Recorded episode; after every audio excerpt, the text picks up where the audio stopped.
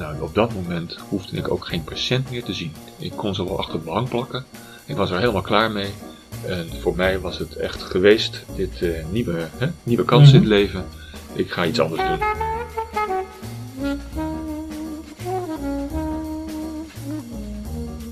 Dit is de Therapeut Podcast. Een wekelijkse podcast waarin ik, Peter Voortman, openhartige gesprekken voer met therapeuten over hun professie, patiënten en zichzelf. In de aankomende afleveringen ga ik in gesprek met Henk Kramer. Henk Kramer is fysiotherapeut met meer dan 30 jaar ervaring. In deze aflevering.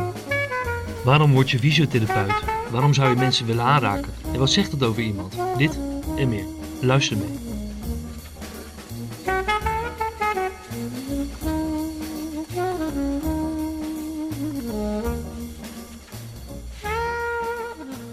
Goedemorgen Henk. Ja, goedemorgen.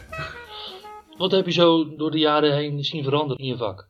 Ja, ik ben nog opgeleid eh, in de situatie dat ik in een soort, eh, wat zou ik zeggen, apparatenwinkel terecht kwam. Mhm. Ik weet niet eens meer precies wat het allemaal was. Hoogfrequent, laagfrequent, middenfrequent. hè.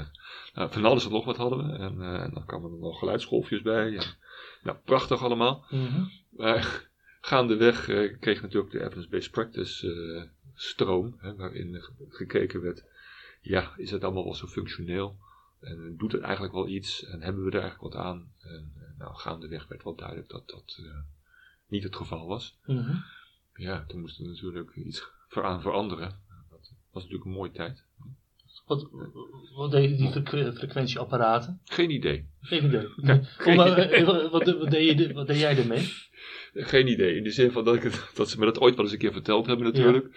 Maar eh, ik ben het volledig kwijt. Ja, De- de- ja. Je weet ook niet meer of dat was om de diagnose te stellen, of dat het voor het behandelen was, of eh Nou ja, er is nog... slimme verkoper die dat... eh, Ja, slimme verkoop. Slim. er is, ik denk dat er waanzinnig aan verdiend is. Ja, ja, ja. ja. Ik denk belachelijk zelfs. En het heeft ook geen goed gedaan, denk ik. Maar Mhm. nou, dan moet je natuurlijk, je kunt ook overdrijven natuurlijk, want er zijn toch nog wel wat technieken die je nog wel gebruikt, maar in, in bijzondere situaties. Eh, dus er zijn wel. Er zijn, Wat, wat eh, heb jij nog apparaten in je... Ja, ik heb er nog, een- ik heb er nog één staan. Die cultiveer ik. Ik vind het prachtig. maar, Komt misschien later in het museum. maar als eh, antiek object of die je ook gebruikt? Nee, de, nogmaals, er zijn toch wel een aantal klachten. Als Ja. mensen daarmee zouden komen, Mhm. en, eh, en dat is, is vaak neurologisch, dan, en, dan heb ik toch het idee van laat ik dat ding nou bewaren, want je weet nooit of je zo'n patiënt weer gaat zien. Mhm. En dan is het inderdaad wel verstandig om bijvoorbeeld een zenuw ja, een beetje eh, actief te houden. En dat zou je dus met de elektronische, met, eh, met een apparaat kunnen doen, wat, wat, wat prikkelt. Hè, in plaats van dat zo'n zenuw als het ware door het Mhm. niks doen als het langzaam eh, ja, verdort. Ja. Dus die, En- die problematiek is er natuurlijk nog. Komt niet vaak voor. Mhm. Maar ja, ja. Maar wel, speelden vroeger die apparaten een grote rol? Was het echt ging je standaard aan de slag met zo'n apparaat? Of? Ja, dat, eh, ja, dat was zo. Dat speelde, Ja? dat speelde echt een hele belangrijke rol. Het was, je deed het goed als er bijvoorbeeld veel apparaten waren Mhm. en dat je die ook ging gebruiken. Ik, kan me nog, eh, ik zie nog voor me dat ze- verzekeraars eh, vonden het heel belangrijk dat je ook al die apparaten in huis had. Mhm. Zo niet, ja, dan kon je toch echt geen goede fysiotherapeut zijn of werd je niet serieus genomen. Eh, dat eh, bracht met zich mee dat, eh, dat, dat als je die dingen niet had en die Mhm. investering dat je dat niet zinvol achtte, want er waren er al genoeg die dat belachelijk vonden. eh, dan had je, met, dan kan ik me nog herinneren dat ik met collega's een afspraak had van als ze nou bij jou komen kijken, zeg dat nou even. Want dan zorgen we dat onze spullen er een beetje bij jou komen te staan. En dan hebben we zo daar een geweldige, eh, ja. geweldige presentatie van alles wat er in huis is. En zodra het zeg maar bij ons iets komt, dan eh, zorgen we ervoor dat die spullen dan weer naar mij te komen. Dus was het een was echt een flinke handel in het heen en weer rijden van die apparaten. En die waren niet zo klein, die waren echt wel groot. Dus dat moest soms drie keer rijden. Dat was gewoon een soort van een netwerkclubje die elkaar... eh, Ja, Het was niet anders. nee. En er waren ook apparaten bij die al stuk waren. Maar goed, die ging je toch niet laten repareren, want je gebruikte ze nooit. En als ze er stonden, was het ook Mhm. oké. Dus En, en ehm, maar je, dat moet dan wel een bepaalde lef hebben om die apparaten te zeggen van nou, ik ga dat met mijn handen doen. ja, dat, ja, dan moet je een beetje eigenwijs zijn. Ja, Ja, dat klopt. want je Ja. wordt opgeleid met apparaten en dan Ja. zeg je van nou, dan. Maar ook tijdens de opleiding was er al een sfeer van, ja, leuk die dingen. Mhm. En je moet het weten. Maar er werd nooit. Maar men, was, de kentering was al gaande eigenlijk. Er was al, eh, was al een, eh, een verandering. Een verwarring ook. Hè, van Mhm. eh, ja, wat nu verder. Dus de, de oefentherapie kwam op. Mhm. die werd wat, wat, wat, wat, belangrijker. Men ging zich nadenken hoe je nou precies buikspieroefeningen moest doen. Eh, wat was nou de meest eh, efficiënte manier. Eh, dat, ja, dat werd eigenlijk steeds specifieker. Het- is een ontwikkeling geweest, ja. Ja. Dat je er zo naar vraagt. Realiseer ik me dat eigenlijk. Heb jij ehm, een, speciale, een specialiteit opgedaan in je vak? Dat je zegt van nou, daar, ik daar ben ik heel goed in. Of, Ja, ik zat natuurlijk altijd al in het milieu dat, dat die apparaten niet zo gewaardeerd werden. Mhm. En dat het niet zo werkte. Mhm. Eh, Placebo overigens wel. Mhm. Mhm. Ja, Er zijn genoeg verhalen van collega's die zo'n apparaat hadden, waar, eh, eh, die eh, dan vergat aan te zetten en waarbij de patiënt toch voelde dat het al veel beter ging en dat het ook warm werd. En, nou ja, ik denk dat je er boeken over vol kunt schrijven. Mhm. Die zijn allemaal, nou ja, goed, en dan kom je erachter dat het apparaat het al een weekje of twee niet deed. Maar dat, dat, dat ja, dat, eh, dat geeft- dus dat, dat gaf wel te denken. Hè? Ja. Dan moest je dan om lachen en tegelijkertijd had het natuurlijk ook iets van, ja, hier klopt iets niet. Nee. Ja, hier, eh, Maar je, bent, maar je vraag was anders. Ja, mijn vraag was eigenlijk meer van, eh, je laat dan die apparaten achterwege en je gaat aan het Ja. behandelen. Ja. En ehm, merk je dan waar je specialiteit ligt? Of? Nou ja, gaandeweg merkte je dat, ehm, dat aanraking heel belangrijk was. Dat Mhm. merkte je gaandeweg eigenlijk. Over, van mijn, over mijn eerste patiënten, daar, daar heb ik wel eens over eh, gepraat als hoe is het in godsnaam mogelijk die, dat die genezen zijn van wat ik toen deed. Mhm. Met andere woorden, het is, ook, het is naar mezelf toe ook een soort, eh, soort ja, bewustzijn van, van ja, wat deed je nou eigenlijk? En Wat, wat, eh, wat was nou eigenlijk ehm, het element waar mensen beter van werden? Nou, waren mijn interventies dan zo geweldig toen? Nou, wel nee, helemaal niet zo. Mhm. en, eh, en die apparaten stonden nog in de buurt, zeg maar, die moesten er ook. eh, eigenlijk wat in al die jaren is blijven staan, is zeg maar de kwaliteit van de aanraking. Mhm. Ik denk dat dat eigenlijk ehm, ja, in de afgelopen jaren stand gehouden heeft. We de andere, andere dingen niet eigenlijk. we hebben het vorige keer gehad over aanraking en daar de, dat vond je lastig, Ja, zo, on, zo onvoorbereid. Ja, Heb je daar nog ideeën of gedachten over die je graag zou willen delen? Nou, eigenlijk, eigenlijk denk ik er elke dag over. Ja. Want bij, eh, het is nou eenmaal zo, en ik kan daar ook wel een beetje een, een geintje over maken. Maar iedere keer als je weer opnieuw, zeg maar, ertoe overgaat om een ander aan te raken, dan eh, is dat niet iets wat, ehm, wat vanzelf gaat. Mhm. Maar daar, dat vraagt toch een bepaalde voorbereiding. Het is moeilijk onder woorden te brengen, maar het, het- zomaar iemand nonchalant aanraken, dat Mhm. gaat eigenlijk niet. Nee. Ten eerste is het een therapeutische interventie, Mhm. dus dat vraagt eh, een professionele kant. Aan de andere kant is het, een, is het een situatie waarin je, als je het heel subtiel gaat eh, benoemen, een, eh, een grens, een grens overschrijdt of een grens benadert, of in ieder geval het zit op het grensgebied van de ander. Mhm. En ja, dat vraagt oplettendheid van wat gebeurt daar op dat grensgebied. Dat vraagt eh, compassie, dat vraagt goede entree, zeg maar, goede voorbereiding daarin. Je kunt het niet zomaar doen. In therapie zeker niet. Dat kan je niet zomaar doen. Dus je moet wat je daarop voorbereiden eigenlijk. En, en daarmee ook de ander voorbereiden. Mhm. En is aanraking een specialiteit van jou geworden? Nou, ik denk dat het van belang is, een fysiotherapeut die die aanraking belangrijk vindt, Mhm. ja, ik denk dat hij automatisch, zeg maar, daarop oefent. Dus Ja. steeds vaardiger wordt in die grenzen herkennen, eh, zeg maar, zich voorbereidt daarop. Mhm. manke vergelijking, maar ik zie mensen toch als, als, als een instrument. Mhm. En een instrument, en als je een instrument bespeelt, dan ben je daar heel bewust van dat dat oefening vraagt.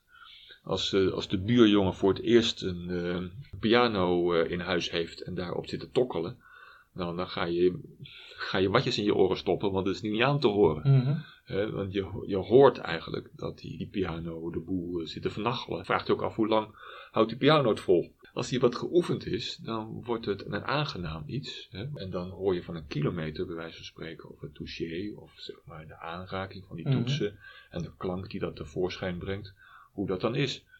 En weten we beter te waarderen dan eh, de, eerste, de eerste noten die iemand speelt. Hè? Dat weten we veel beter te Dan zit daar een verhaal in. Dan, zit daar, eh, dan vinden we dat aangenaam of dan kunnen we waarderen als, als een kwaliteit. Ja, zo is dat met mensen ook. Dat touché. Eigenlijk een beetje hetzelfde. Ja. Dat moet je, ja. Ook daar gaat het erom dat dat steeds opnieuw weer de emotie van, hè, die ook in de muziek terug te vinden is, plaatsvindt. Waarom is aanraking voor jou belangrijk? Als persoon. Zelf ben ik, ik ben zelf geen fysiotherapeut. Ik zou ook niet per se eh, vakmatig mensen hoeven aan te raken. Dat, daar, daar kies ik niet voor. En jij hebt daar wel voor gekozen. Ja, het- aanraken is een deel van het instrumentarium. Hè. Het, gaat, het genezen, daar gaat het eigenlijk om. Hè. Dat Mhm. mensen herstellen, ze weer goed en optimaal kunnen functioneren. Dat is eigenlijk waar het over gaat. En daar heb Ja. je tools voor. En eh, we zijn Ja. begonnen met die apparaten. Nou, dat hielp niet zo. Mhm. Eh, nou, dus ja, wat hebben we dan nog? Met het gesprek. Dat, Mhm. is, een, dat is ook een, eh, een instrument. Eh, daar ben ik niet zo goed in. Dan wordt, Dus, het, wordt het een ehm, ander instrument. Ja. Het, het aanraken was niet bij voorbaat wat je interessant vond of wat je. Je geeft aan, je, je bespeelt het lichaam als een instrument. En je zou dus kunnen zeggen van nou, ik ben de fysiotherapie ingegaan omdat ik het instrument zo interessant vind en om dat te bespelen. Dus dan zou je kunnen zeggen van aanraking is eigenlijk een voorwaarde voor hetgene wat je gaat doen. Je zou ook kunnen zeggen van nou, ik ben gewoon zorgverlener, ik wil mensen helpen. Of ik daar nou een pilletje in gooi of ik raak ze aan, ik ben ze aan het helpen. Het belangrijke in, eh, van die zorgverlener is, Mhm, is dat hij de ander de gelegenheid geeft dat hij zich kan herstellen. mhm. En dat de ander zich kan herstellen. Ja. En dat die ander, zeg maar, uiteindelijk weer optimaal functioneert. En daar heb je verschillende tools voor. En aanraking is daar een bijzonder interessante in. Omdat dat een taal en een beweging brengt die ja, bijna non-verbaal is. Hè? Dus Mhm. eh, waarbij het spreken niet bovenop staat. Maar dat het beleven en de veranderingen die dat met zich meebrengen bij mensen, eh, processen in gang brengt. En herinneringen, het kan ook anders. Eh, Het, het ervaren dat het anders kan. Bewustzijn, nou ja, die elementen die je nodig hebt om zelf het herstel, want daar gaat het over, dat ze die ja, kunnen gebruiken. Dat ze die Mhm. tools kunnen inzetten. Waarom ben je dan geen psychotherapeut of psycholoog geworden? Dat heeft, dat heeft veel meer te maken met, eh, met waar ik goed in ben en waar ik niet goed in ben. Ik bedoel, bedoel, als je mij vraagt waarom ben je dat, ja, dit is het enige wat ik kan eigenlijk. Maar hoe, kom je daar, hoe kom je daarachter? Wa- wa- waarom kies je er- ervoor om met dat lichaam bezig te zijn? Je kiest daarvoor. ehm, en eh, als je ja, echt kiezen is het niet. Het is eerst iets waar je een, een, een, een, eh, zeg maar die verhouding tot dat lijf, hè, de Mhm. verhouding tot aanraking, Mhm, is natuurlijk ook een proces wat, wat gaandeweg verandert. mhm, Ehm, dat begint eigenlijk met, ik heb daar geen zin in om een ander aan te raken. Daar begint het eigenlijk mee, eh, lang geleden. En, en, en er angst bij hebben en er zeg maar weerstanden bij voelen en, enzovoort. En dan verandert het gaandeweg in je, in je leven en in je perceptie daarover. En ja, dan verandert er iets in en dan ga je gaandeweg merken in stapje voor stapje dat het wel belangrijk is. En dat dat eigenlijk een, eh, een manier is om die doelstellingen, namelijk die patiënt, cliënt of hoe je het noemen wil, die, die komt hier iets halen, mhm. om die doelstelling op die manier te halen, het eh, in gang te kunnen zetten. Wat vond je, vond je aanraking eng? Ja, in eerste instantie wel, dat is eh, zeker. En onhandig en gespannen en Mhm. eh, wat, wat moet ik hier nou mee en wat vindt die ander daarvan? En nou ja, duizend vragen roept dat op. En En hoe, over welke, welke leeftijd of welke fase hebben we het dan? nou, die, die, ehm, die ontwikkeling, zeg maar, Mhm. die, die begon eigenlijk al op de opleiding eigenlijk al. Hè. Daar, daar, eh, daar werd je niet zoveel, maar dan werd je Mhm. toch al met aanraking werd je geconfronteerd. Maar je weet En- al voor- voordat je die opleiding gaat doen van, met fysio- als fysiotherapeut ga je mensen aanraken. Ja, maar jij, duwt mij, of jij, jij lokt mij nu, zeg maar, naar wat zijn nou mijn intrinsieke achtergrond om dat werk, werk te gaan doen. Als je het daarover wil hebben, Eh, eh, dat kan, maar dat... nou, als jij het daar niet over wil hebben, dan kan dat ook. Want ik heb natuurlijk, elk mens heeft natuurlijk zo die intrinsieke Ja, redenen waarom je iets doet. nou, je hoort vaak bijvoorbeeld bij eh, psychologen dat zij voor bewust of onbewust voor dat vak kiezen, omdat ze of eh, eh, iemand dicht in de buurt hebben gehad die, die geholpen moest worden, of ze zijn zichzelf aan het helpen. Dus je, je kiest niet zomaar ervoor om iemand aan te raken. Maar als je wil, dan, eh, dan, dan parkeren we dat. Ja, dat, dat, nou, dat, eh, Oké. Oké. nee, nou, we, hadden, we hadden afgesproken het gesprek open te houden, dus Ja. ik moet ook eh, daar maar in mee dan. Ja.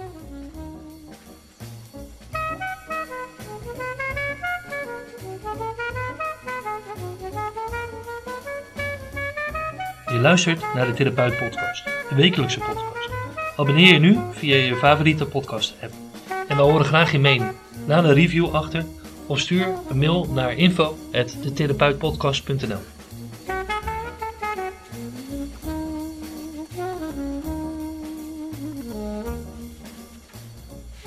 Ja, kijk, die, die, in- die intrinsieke eh, eh, bron, zeg maar, waardoor Mhm. je dingen gaat doen, die is, wel, ja, die is eigenlijk wel interessant. Ja. Die, die doet het niet zomaar voor niks. Nee.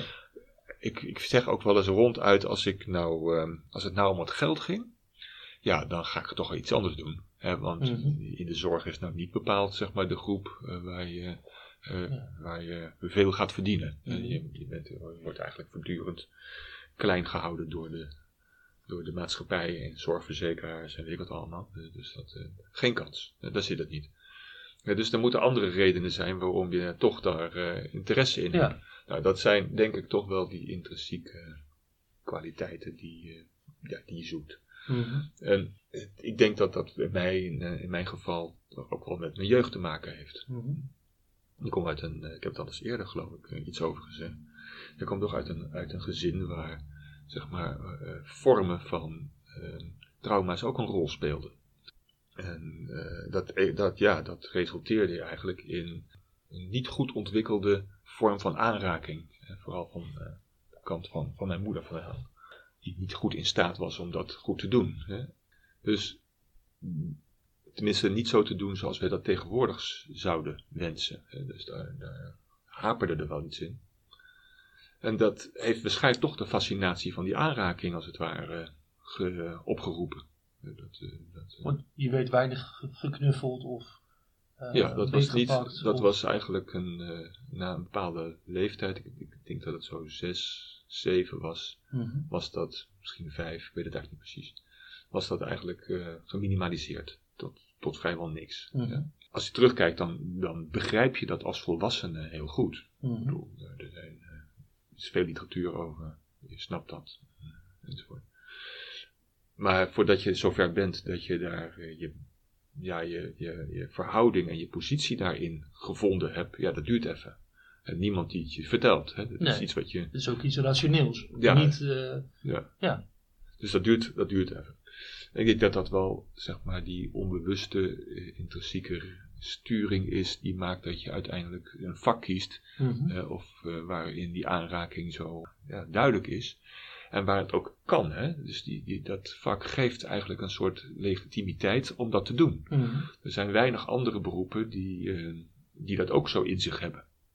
Ja. Dus, dus die legitimiteit is natuurlijk, eh, nou ja, eh, zo hoort het, zo mag het, zo kan het. Hè? Dat, is, het- dat is het begin.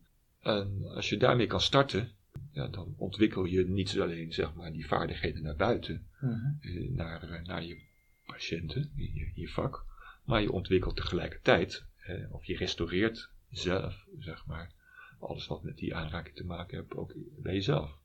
Eh, dus dat is, een, eh, ja, dat is een belangrijke bron om steeds weer opnieuw dat werk op te pakken. Ja, dat klopt. Ja, dat klopt voor mij, ja. moet ik zeggen. Dus dan kan je beroep- beroepsmatig iemand aanraken en leren wat aanraking is.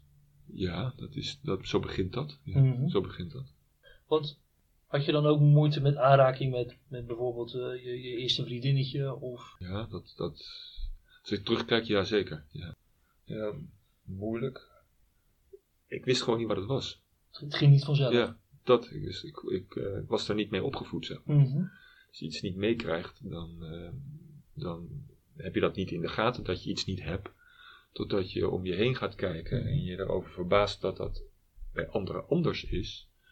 Ja, dan komt er een soort eh, jaloezie. En die jaloezie maakt dat je zeg maar aan het werk gaat om dat te bereiken wat anderen ook hebben. Mhm.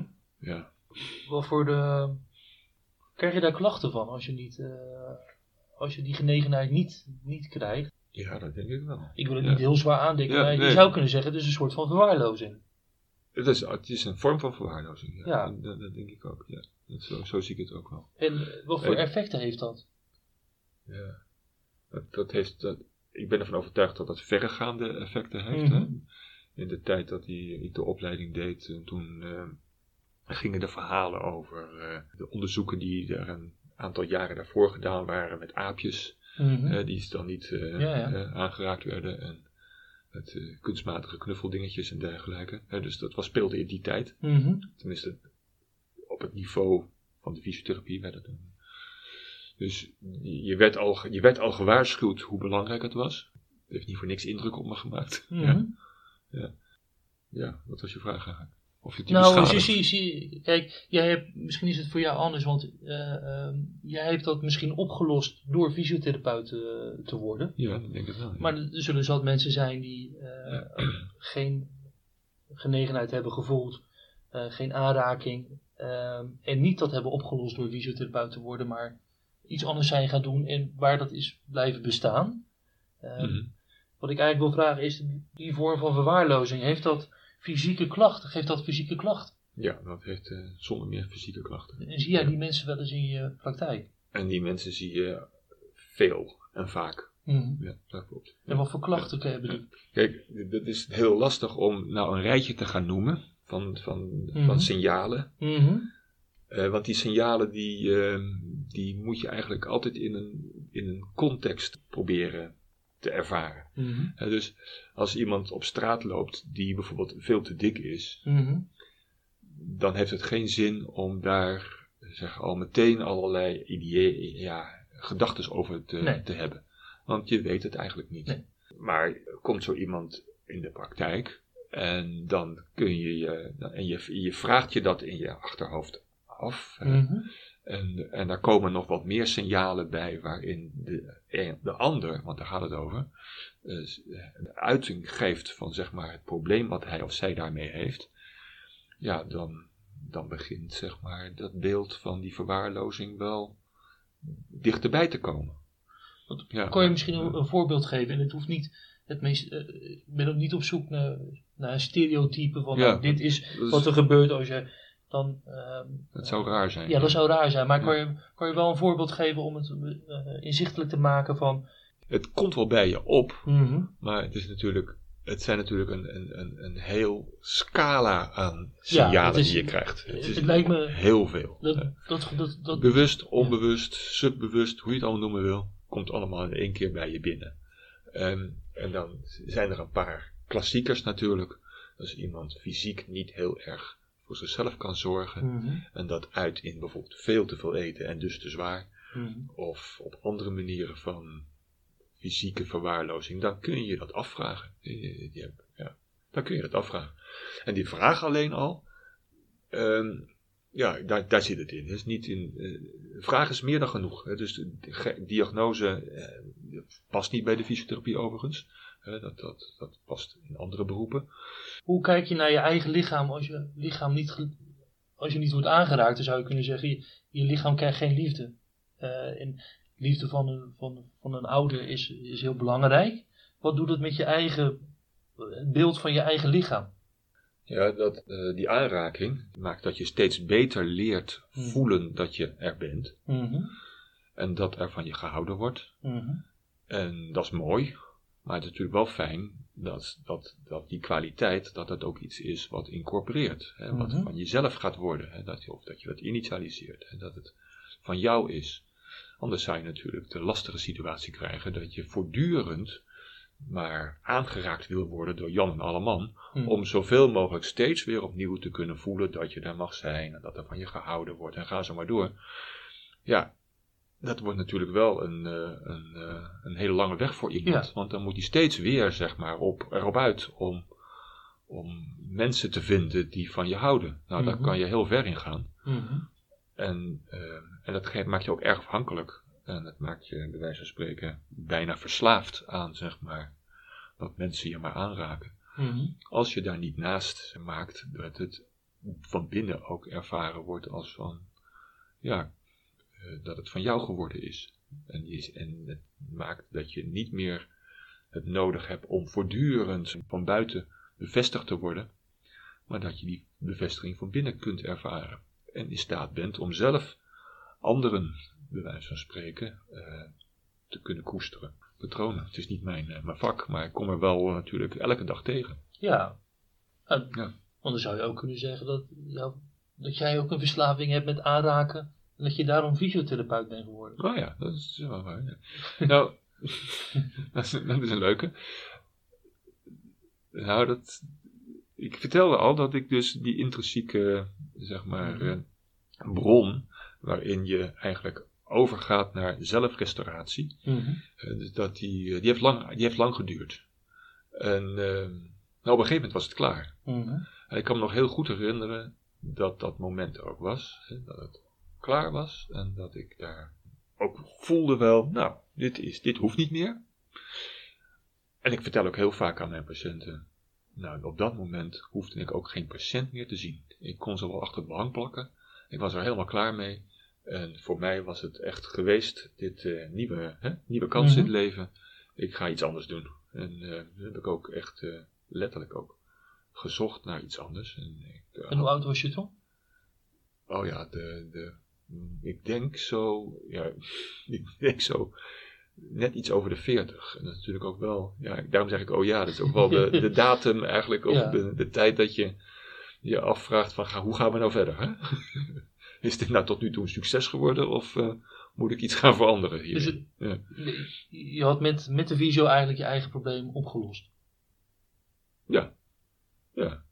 Met, met, als, met als gevolg Mhm. dat ik die fysiotherapie niet meer zo nodig had. Ja. En die mensen eigenlijk, eh, met dankjewel kon ik nog zeggen, maar ik hoefde ze niet meer te zien. En, hm. Maar je hebt dat weer herpakt. Je bent nog steeds fysiotherapeut, dus Ja. Ja, maar wel anders. wel anders. Ja. Was het, was zeg maar een, een, een redelijke druk zat er bij mij op in die periode daarvoor, Mhm. waarbij die zelfrestauratie centraler stond, heb ik dat nu niet zo. Moet ik wel echt voor oppassen, want dat eh, kan niet altijd helemaal in mijn eigen zieltje zien. Ja. Hè, maar maar het, speelt dat niet zo'n rol? Het speelt nu veel meer. Ja, als, als jij mij dit soort vragen stelt, dan ga ik gelijk altijd ook denken. Dus eh, sorry. Nee, nee, nee, nee, Eh, neem je tijd. Nee.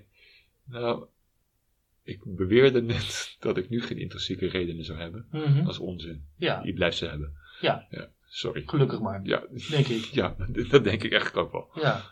Maar die, waarbij die aanraking eh, zo eh, eh, op de voorgrond stond, die is er eigenlijk niet. En dus zie je een En- verschil tussen jou als fysiotherapeut toen en nu? Waar zit het grote verschil? Nou, mis- misschien zit hem het wel in het, wat ik er nog over zou kunnen vertellen.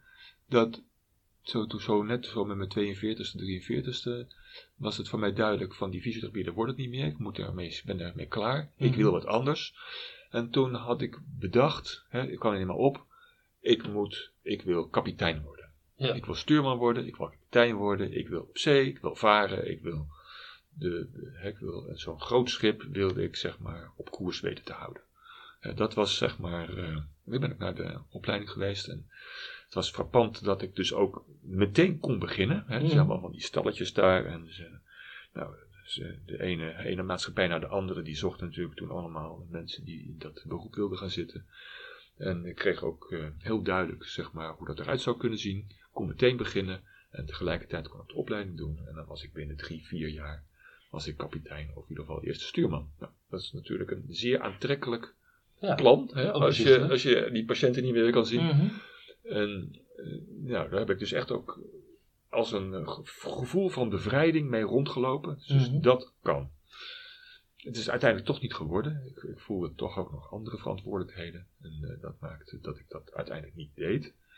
Maar alleen al zeg maar de vrijheid Mhm. was in dit geval eigenlijk wel genoeg. En dat hele element van, van, van stuurman en kaptein en, en iets snappen over de, de, de, de, de zandbanken en waar je, hè, waar je vast kunt lopen en waar de driften zijn hè, Mhm. in, de- en, dus, en de golfstromingen en dan ga allemaal maar door. Ja, dat, dat heb ik eigenlijk een beetje in, die, in, in mijn werk gezet. Ja. Ik, ik, heb, ik heb toen de tijd ook wel gezegd, ik voel me eerder een loods hè, bij, Mhm. bij die problematiek van mensen. Hè, zo van, nou, die komt even aan boord. En eh, nou, eens kijken of we goed kunnen aanleggen. En als dat dan gebeurd is, nou, dan gaan we naar de volgende. Hè? En zo, zo dat, dat be- beeld was toen voor mij wel leidend eigenlijk. Je zou ook kunnen zeggen van, en misschien is het een beetje clichématig van, je hebt je probleem opgelost, je bent klaar om de wijde wereld in te gaan. Daarom wil je ze. Ja, die, die vrijheid zat erin. Ja, Mhm. ja zeker. Maar je geeft vervolgens aan van, je doet het als stuurder en leiding geven als kapitein. Ja. Van, je wil andere mensen helpen dat probleem op te lossen. Nou, even die, die, eh, die vergelijking met, die, eh, met, dat, met dat woordje loods. Kijk, zo'n schip heeft een Mhm. kapitein en die blijft kapitein. Mhm. Dat is de, degene die dat schip in de verantwoordelijkheid heeft. En die loods die wordt binnengehaald op de momenten dat, het, eh, eh, dat die loods kennis heeft van die haven en zeg maar dat gebied. En daar is die loods even handig voor. En dat er aangelegd wordt en dat eh, de, de, de dingen gedaan moeten worden als inpakken en uitpakken. En dat die boot daarna weer vertrekt. Ik vind dat eigenlijk nog het, eh, de meest eh, interessante rol eigenlijk. Dus ja. Dus daar zie ik me eigenlijk in mijn werk. Toen zag ik dat, dat is nu weer anders. Mhm. Maar dat zag ik toen als mijn nieuwe opgave eigenlijk. En zijn er dan nog specifieke mensen of eh, problemen die je, waar je op wil richten? Heb je dan een bepaalde specialiteit? Ja, Nou ja, die, die loods zijn en, en, en Ja, maar weten waar de de- zandbanken zitten. en, maar wil je dan een lood zijn voor specifieke boten om in de metafoor te blijven? Of, Nou, ik weet niet of, nou, of mijn vergelijking zo ver gaat. Mhm. Hele grote boten zijn natuurlijk best lastig. Ja, ja. En, en, eh, en kleine bootjes zijn wat makkelijker. ja.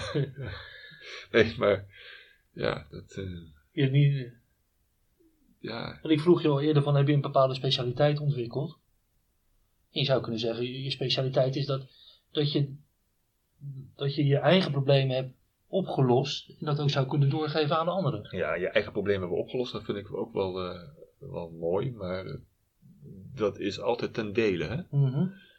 Die, eh, die, die eh, wat, wat, we begonnen over die aanraking. Begonnen, hè. En ik vertelde dat dat, dat eh, altijd moeilijk gevonden heb in mijn jeugd. En dat, dat ik daar hard aan gewerkt heb, tussen haakjes. Hè. Mhm. En dat zich dat op een gegeven moment klaar was. Maar dat wil niet zeggen dat ik het nu, dat ik daar helemaal van gevrijwaard ben. Dat is, dat is onzin, zo is dat niet. Eh, Dus ik kan uitstekend mijn werk doen. Mhm.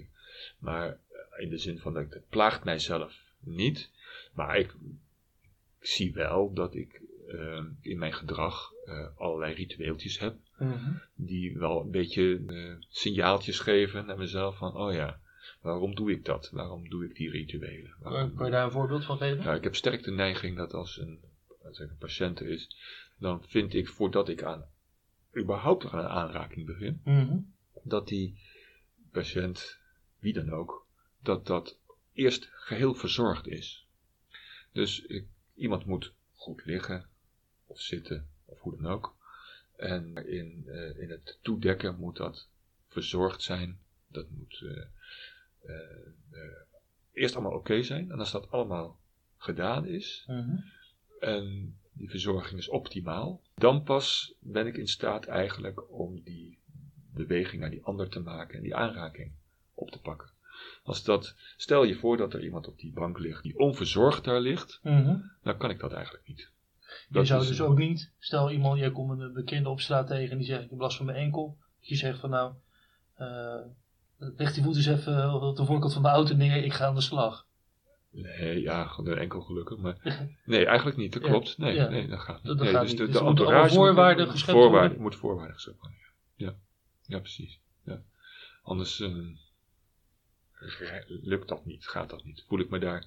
Ja, ik kan natuurlijk, ik kan best wel wat, wat forceren daarin. Mhm. Maar als je mij vraagt, vind ik dat fijn? Nee, dat vind ik niet fijn. Mhm. En, eh, en ik zie heus wel hoe ik mijn, mijn, mijn neurotische ritueeltjes doe. Mhm. Eh, maar eh, ja, ze zijn er. En ik vind het eigenlijk ook helemaal niet zo erg. Ik kan er erg om lachen. En kijk, die kan ze ook wel een beetje omarmen in de zin van, nou, ben. Ja. Kijk, die violist of die pianist, die heel lang op een riedeltje of op een, op een stuk muziek oefent, Mhm. nou, noem dat niet neurotisch. Hè? Dus je moet, je moet er wel heel erg ver gaan. Wil je dat, zeg maar, tot in de precisie kunnen, kunnen neerzetten kunnen Mhm. in, in performance. Nou, zo is dat bij mij ook. Moet, moet, die precisies blijf ik steeds zoeken. Om, eh, ja, omdat ik diep in mij weet hoe belangrijk het is. Eh, en dus dat, die, die bron blijft er dus. Dus de vraag van, ben je dan helemaal klaar ermee? Nee. Wordt het hanteerbaar? Ja Ja. dat wel. Ja. En zo is dat met heel veel trauma's. Fijn dat je luisterde naar de Therapeut Podcast. Abonneer je nu via je favoriete podcast. Je krijgt dan elke week automatisch een nieuwe aflevering. En we horen graag je mening. Laat ons weten wat je vindt door een review achter te laten. Of stuur een mail naar info.therapeutpodcast.nl